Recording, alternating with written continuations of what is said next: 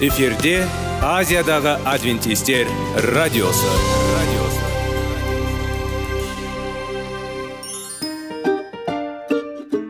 Сәлем достар. Денсаулық өмір бұлағы және біздің бірінші байлығымыз демекші денсаулық сағаты рубрикасына қош келдіңіздер. Біздің рубрикада біз әртүрлі факторларменен мәліметтерменен кеңестерменен бөлісіп шын жүректен сіздердің дендеріңіз сау болғанын қалаймыз. Сол үшін біздің рубрикаға қош келдіңіздер. Дайындалып тұрыңыздар. Өйткені келесі минуттарда қызықты фактілерге ие боласыздар. Енді достар ең бірінші байлығымызды қолымызға алып алға кеттік.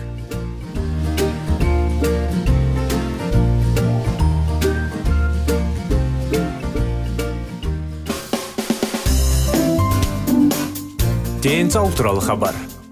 Денсаулықтың ашылуы. Күн сайын сөз үшін күшті кеңестер соңғы жаңалықтар қызықты факторлар. Біздің рубрикада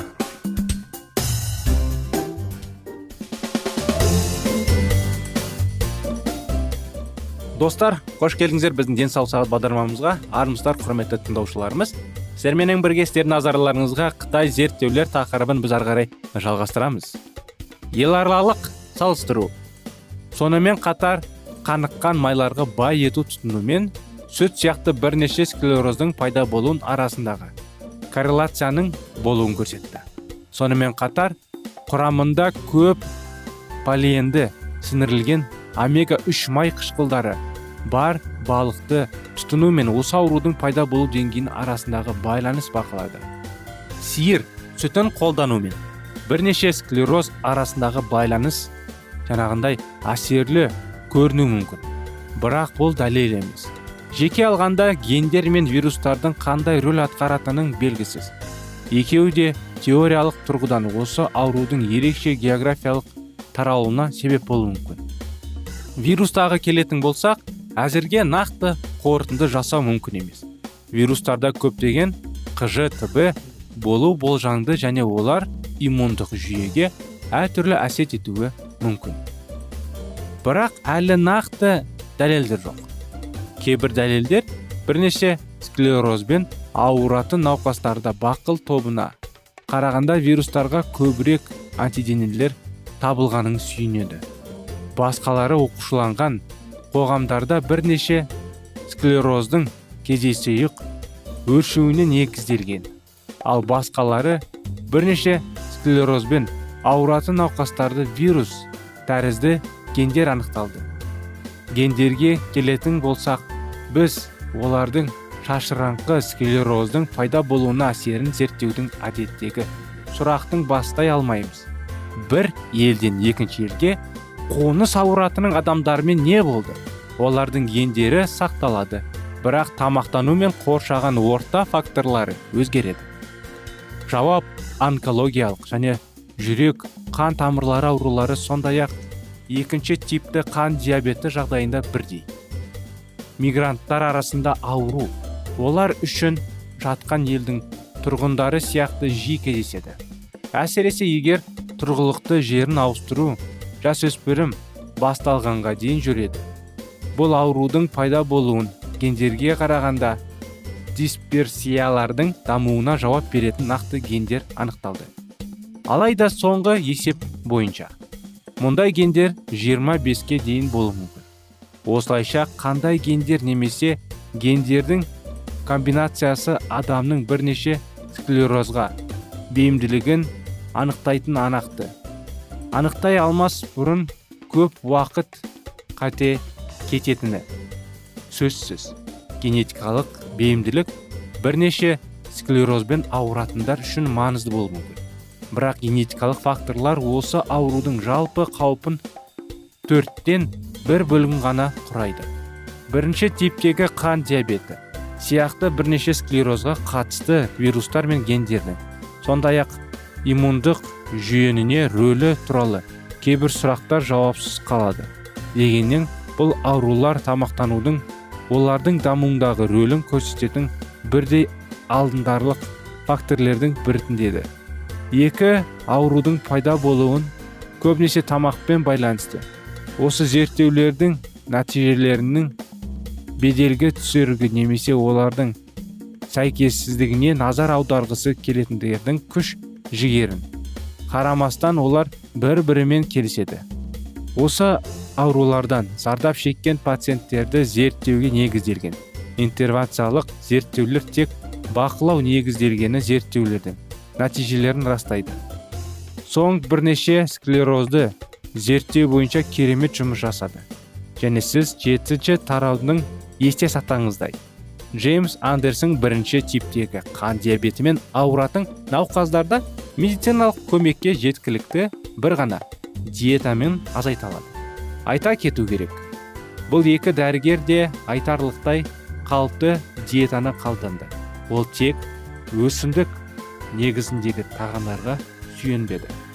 Егер мінесіз диета сақталса аутоиммунды аурулармен ауыратын науқастарға не болар еді? Нәтижелер одан да сәтті болатынын сенімдермін. Аутоиммунды аурулардың жалпы белгілері.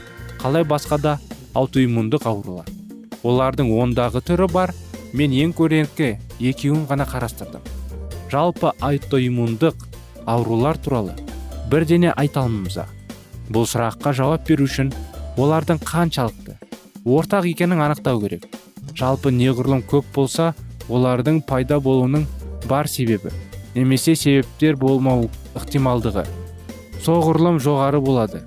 Егер сіз бейтаныс екі адамды дене бітімін шаш пен көздің түсі мен бет әлпеті қозғалу және сөйлесу тәсілі және жақсы бойынша кездестірсеңіз және олардың ата аналары бар деп қорытынды жасасаңыз біз онкологиялық және жүрек қан тамырлары сияқты бай аурулардың ортақ себептері бар деп болжағанымыздай олар ұқсас географиялық таралуымен ерекшеленеді және ұқсас биохимиялық белгілері бар.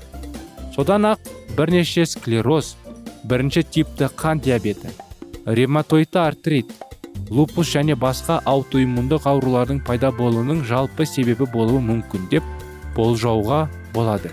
Өйткені олар ұқсас сипаттамаларға ие. Біріншіде анықтама бойынша бұл аурулардың әрқайсысы ұқсайтын өз ақауыздарына шабуын жасай бастайды. Екіншіден барлық зерттеулерге аутоиммундық аурулар жиі кездесетінін анықтады. Олар күн сәулесі аз болатын жоғары географиялық ендіктерде кездеседі. Үшіншіден бұл аурулардың кейбіреуі сол адамдарға кездеседі. Атап айтқанда зерттеулер бұл бірнеше склероз бен қан диабетіне қатысты екенін көрсетті. Бірнеше тип. Бізбен болғандарыңызға рахмет достар. Осы анықтамамен бағдарламамыз аяғына келіп жетті. Тақырыбымыздың жалғасын келесі жолы болады. Келесі бағдарламаға дейін сау сәлемет болыңыздар.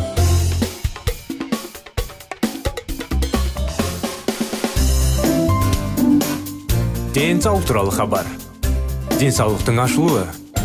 Күн сайын сөз үшін күшті кеңестер соңғы жаңалықтар қызықты факторлар біздің рубрикада.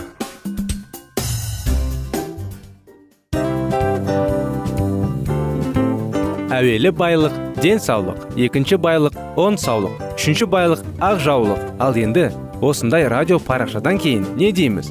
Барлықтарыңызға денсаулықтарыңыз зор болсын деп тілейміз. Денсаулықтың өзгеруі кішкентай нәрселерден басталады.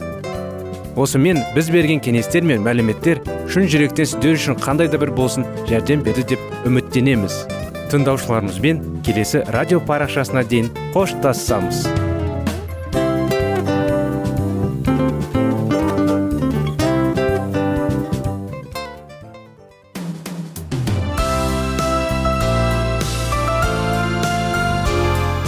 эфирде азиядағы адвентистер радиосы радиосы.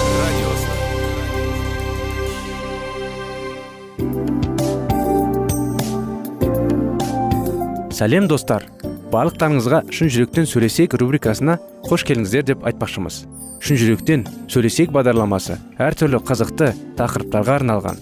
Шындығында шын жүректен сөйлесейік деген сөздің мағынасы екі достың екі адамның ортасындағы шын жүрекпен сөйлесуі бір біріне сенуі ашықтық пен шындықты білдіреді. Сол үшін біздің бағдарламалар әртүрлі қызықты тақырыптарға арналған. Дайындалыңыз жаңа қызықты мәліметтерге ие болуға. Ондай болса кеттік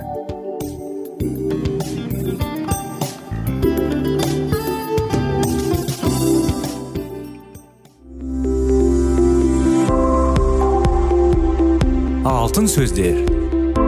Сырласу. Қарым қатынас жайлы кеңестер мен қызықты тақырыптар. Шын жүректен сөйлесейік рубрикасында.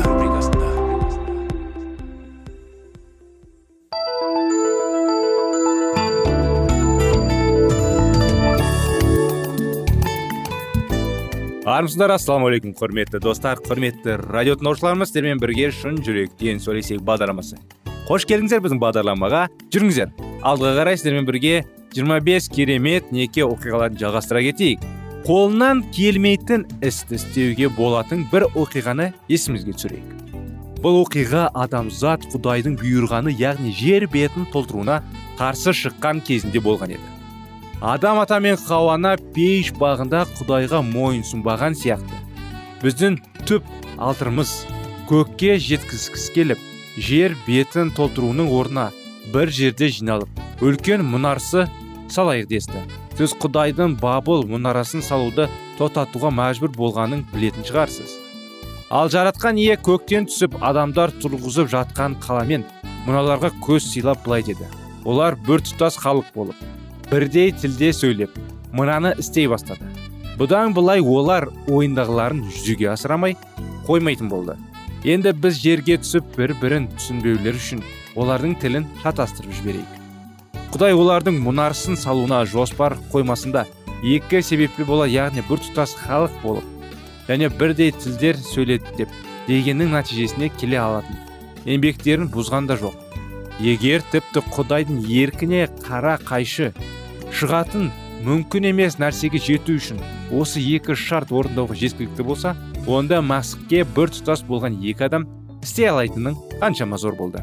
Құдай некеңізге арналған одан да жақсы игіліктеріне жете бастағанда осы бар мақсатпен бірде тілді сөйлеу сіздерге өте маңызды болады. Сонымен осы екі шартқа мұқият қарайық та тілден бастап жіберейік.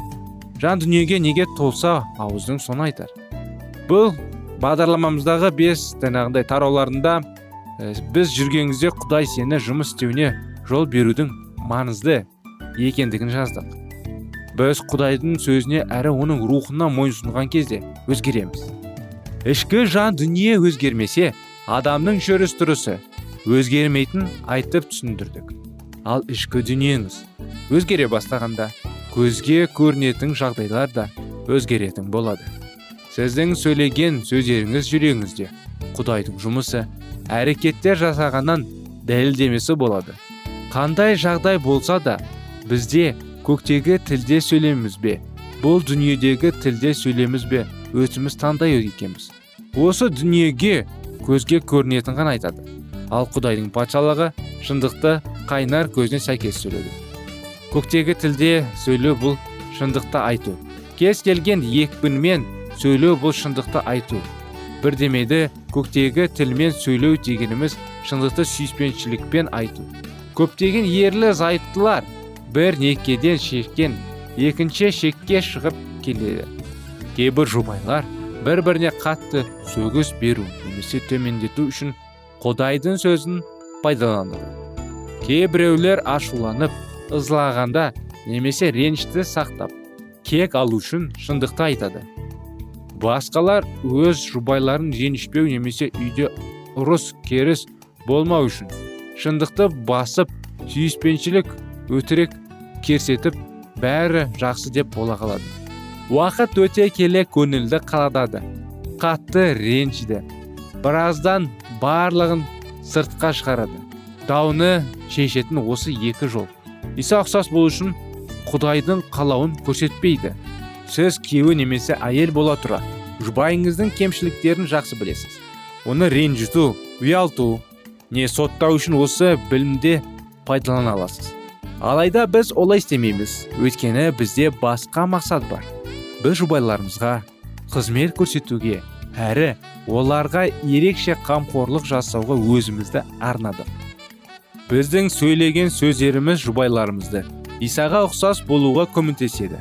Алайда егер біз тілімізді ажалды қару ретінде пайдаланатын болсақ мәңгілік өмірдің сөздерінің құнын сөздерін айта алмаймыз. Егер біз жақсы отбасын құрғымыз келетін болса онда біз жұбайымыздың жаман жүріс тұрысын қоқтауымыз керек. Бірақ біз біз соны тек қолайлы уақытта және ыңғайлы орында істеуіміз керек. Сіз жұбайыңызбен ұрысқанда оған кемшіліктерін туралы айтқанда тиімсіз әрі пайдасыз болатындығын байқадыңыз ба? Керісінше тексеру кекесіндегі ескертулер жағдайлары нашарланып жүректерді жарлатып ұрыс керістер одан бетер өршітеді. Егер сіз сөйлеу керек деп сезінетін болсаңыз жұбайларыңыз тыныштыққа сәтті күтіңіз. Егер жағдай жаман болып кетер болса жұбайларыңызбен кездесу туралы келісіп онымен бір жерде оңаша сөйлесіңіз. Құдайдың маған әйелімді сөйлегені есімде анық қалған. Әйелім егер адам сенің айтқаның естуді қаласын онда өзің соны қалай естігің келсе солай айт. Біз де қай уақытта еттігін келсе сол уақытты бір біріне шындық айтпақтарыңыз жөн болады. Жұбайларыңыз тынышталып көңіл күйі сергек болса сөгіс қабылдау дайын болған кезде ғана әшкерлеуге болады. Шаршаған кезде оған демалуға мүмкіндік бергіңіз дұрыс болады. Бір біріңізді кешіріп құшақтап таңертең сұхбатыңызды жалғастырыңыз. Сезімтал шындықты сүйіспеншілікте айту қажет. Адам өз кемшіліктерін немесе жасаған қатерлерін көрсетілген ұнатпайды алайда егер ол өзгеріске келетін болса сөгіс бергенін үйреніп соған рухани өсуге мүмкіндік ретінде пайдаланады. Ақыл кеңес берер алдында. Өз ниеттеріңізді тексеріңіз. Өзіңізге сұрақ қойыңыз. Мен мұны сүйіспеншіліктеліп әлде езіме өзіме пайда келтіру үшін ғана айтып отырмын ба? Жолдасымның амандығының қамын ойлаймын ба немесе кек алуға амандық ізбейтін бе? Егер сіз жұбайыңызбен ұрысып тұрған кезде оның ақылына үйретем деп ой болатын болса онда сіз өзімшіл болғаныңыз. Сонымен жолдасыңыз сізге не істесе де оған сүйіспеншілікпен қарауға сіздің қолыңыздан болады. Мінекей осы анықтамамен құрметті достар бағдарламамыз аяғына келіп тоқтайды. Сіздерді келесі бағдарламада күтіп келесі жолға дейін сау болыңыздар дейміз.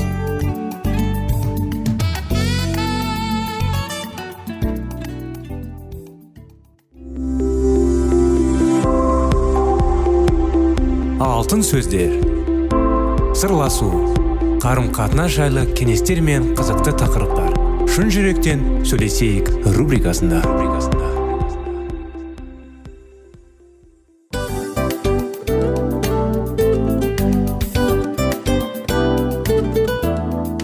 Құрметті достар барлық ең соңғы кеңестер аяқталған соң біздің программамыз соңына келіп қалды.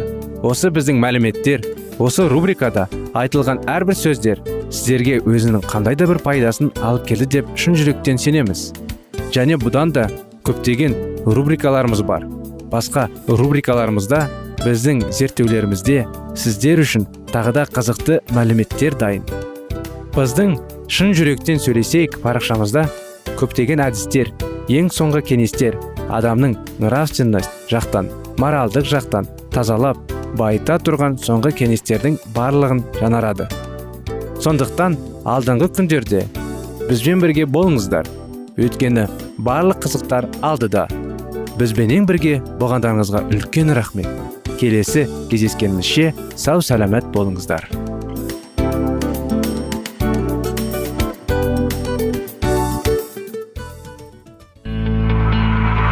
Жан дүниеңді байытқан жүрегіңді жаңғыртқан өмірдің мағынасын ойландырған рухани жаңғыру рубрикасы.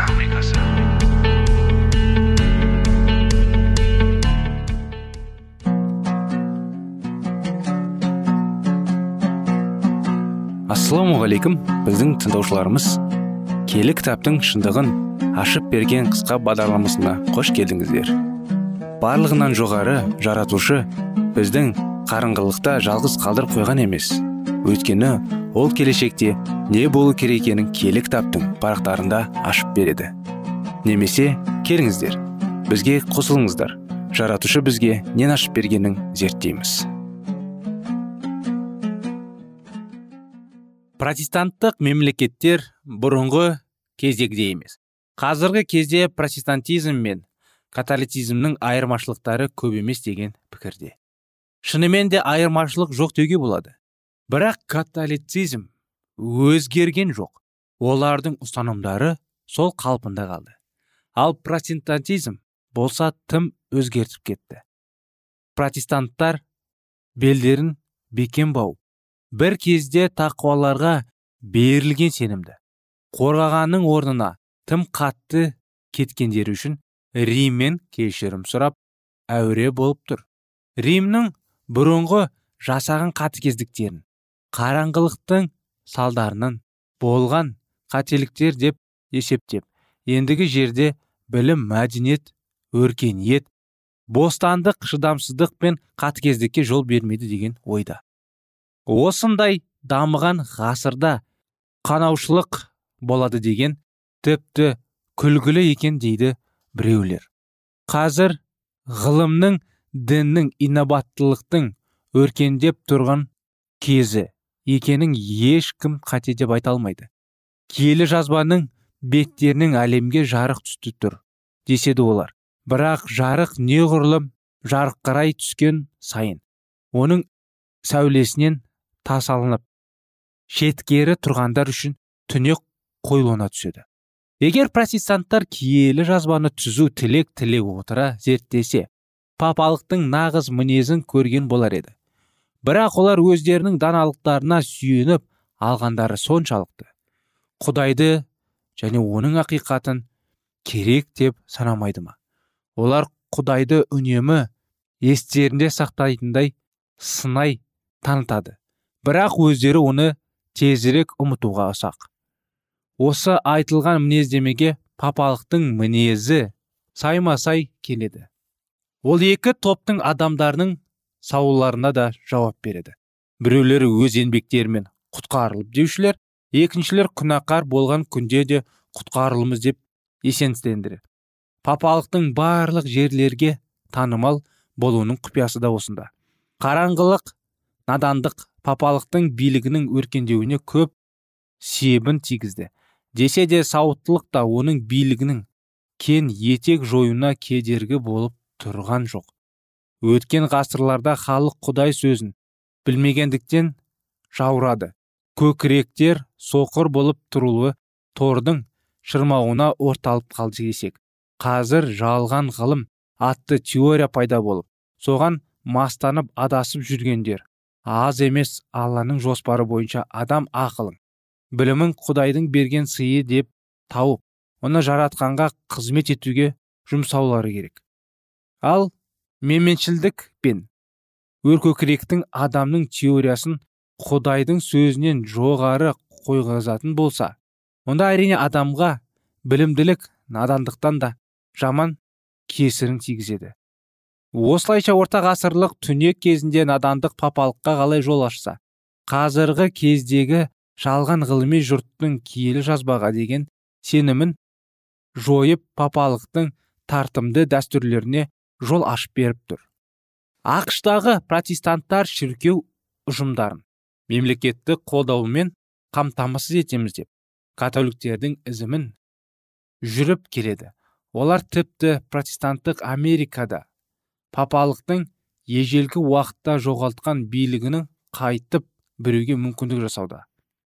Бұл қозғалыстың ең басты және құпия мақсаты католиктің шіркеудің билігінің рәмізі болып саналатын жексенбі күннің бар әлемге ықтиярмен немесе ықтиярсыз сақтау папалықпен келісу неше түрлі мағынасыз салт дәстүрлермен келісу яғни адамның ойлап шығарған аңызын құдайдың парызынан жоғары қою деген сөз.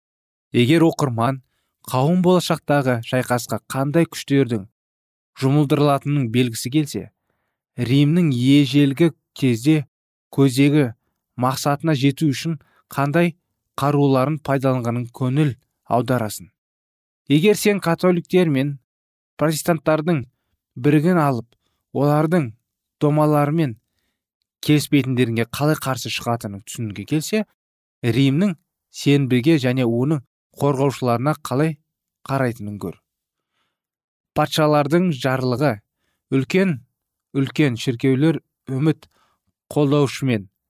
Шығарылған шіркеу қалаулары бұл салт дәстүр мерекелерін мәсіхшілер әлеміне енгізген баспалдықтар сатылар.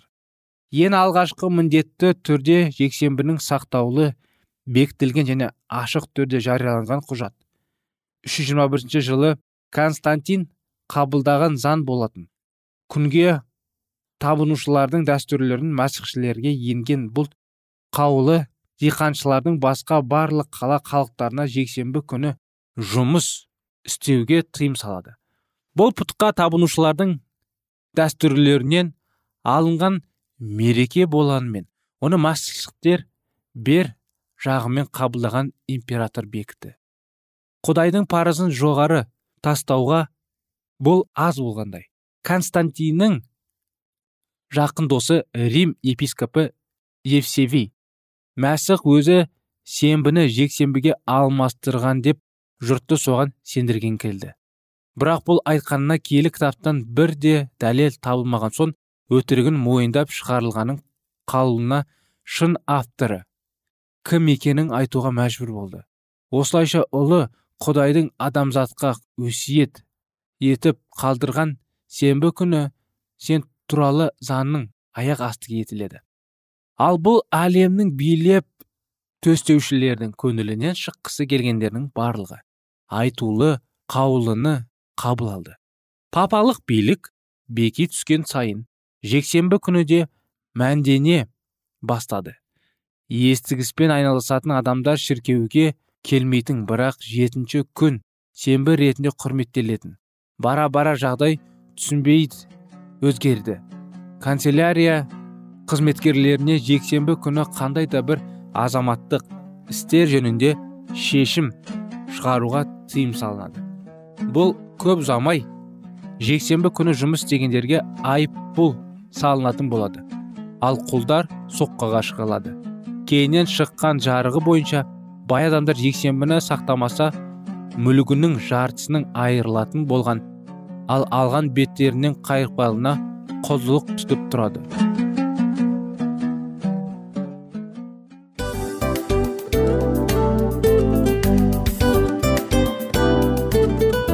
Осымен достар программамыздың зерттеуіміздің ең қайғылы минутына жеттік. Қайғылы дегенде бағдарламамыз тез арада өтті де кетті. Соған көңіліміз деп тұр. Жарайды қайғыны қояйық бүгінгі 24 сағаттың алтындай жарты сағатын бізге бөліп арнағаныңыз үшін рахмет. Егер де өткен сфераларда пайдалы кеңес алған болсаңыз біз өзіміздің мақсатымызға жеткеніміз. Тыңдаушыларымызбен қоштасу уақыты келді. Келесі кездесулерді сағынышпен күтеміз. Жарты сағатты кездесуіміз көз ашып шапқанша дем арасында өтіп кетті. Бірақ бізде жақсы хабар бар. Келесі зерттеулерімізде сөзсіз кездесеміз. Өйткені көптеген сюрприздер қызықты мәліметтерді және керекті нәрселерді көбін дайындадық. Бүгінгі күндеріңіз өзгеше позитивті болсын. Жақындарыңыз аман есен болсын деп тілейміз. Жаратқан ие барлықтарыңызға батасын берсін. Істеген істеріңіз игілікті болсын. Келесі кездескенше сау саламат болыңыздар. Достар біздің бағдарлама бойынша сұрақтарыңыз болса әрине сіздерге керекті анықтама керек болса біздің whatsapp нөмірімізге хабарлассаңыздар болады. Плюс бір үш жүз бір жеті жүз алпыс алпыс жетпіс. Иә достар сіздер қателеспедіңіздер бұл біздің номерлерге ұқсас болмаса да бұл whatsapp номер арнайы. Хабарласыңыздар сұрақтарыңызды қойып тұрыңыздар. Анықтаманы алып тұрыңыздар. Плюс бір үш жүз бір жеті жүз алпыс алпыс жетпіс whatsapp номері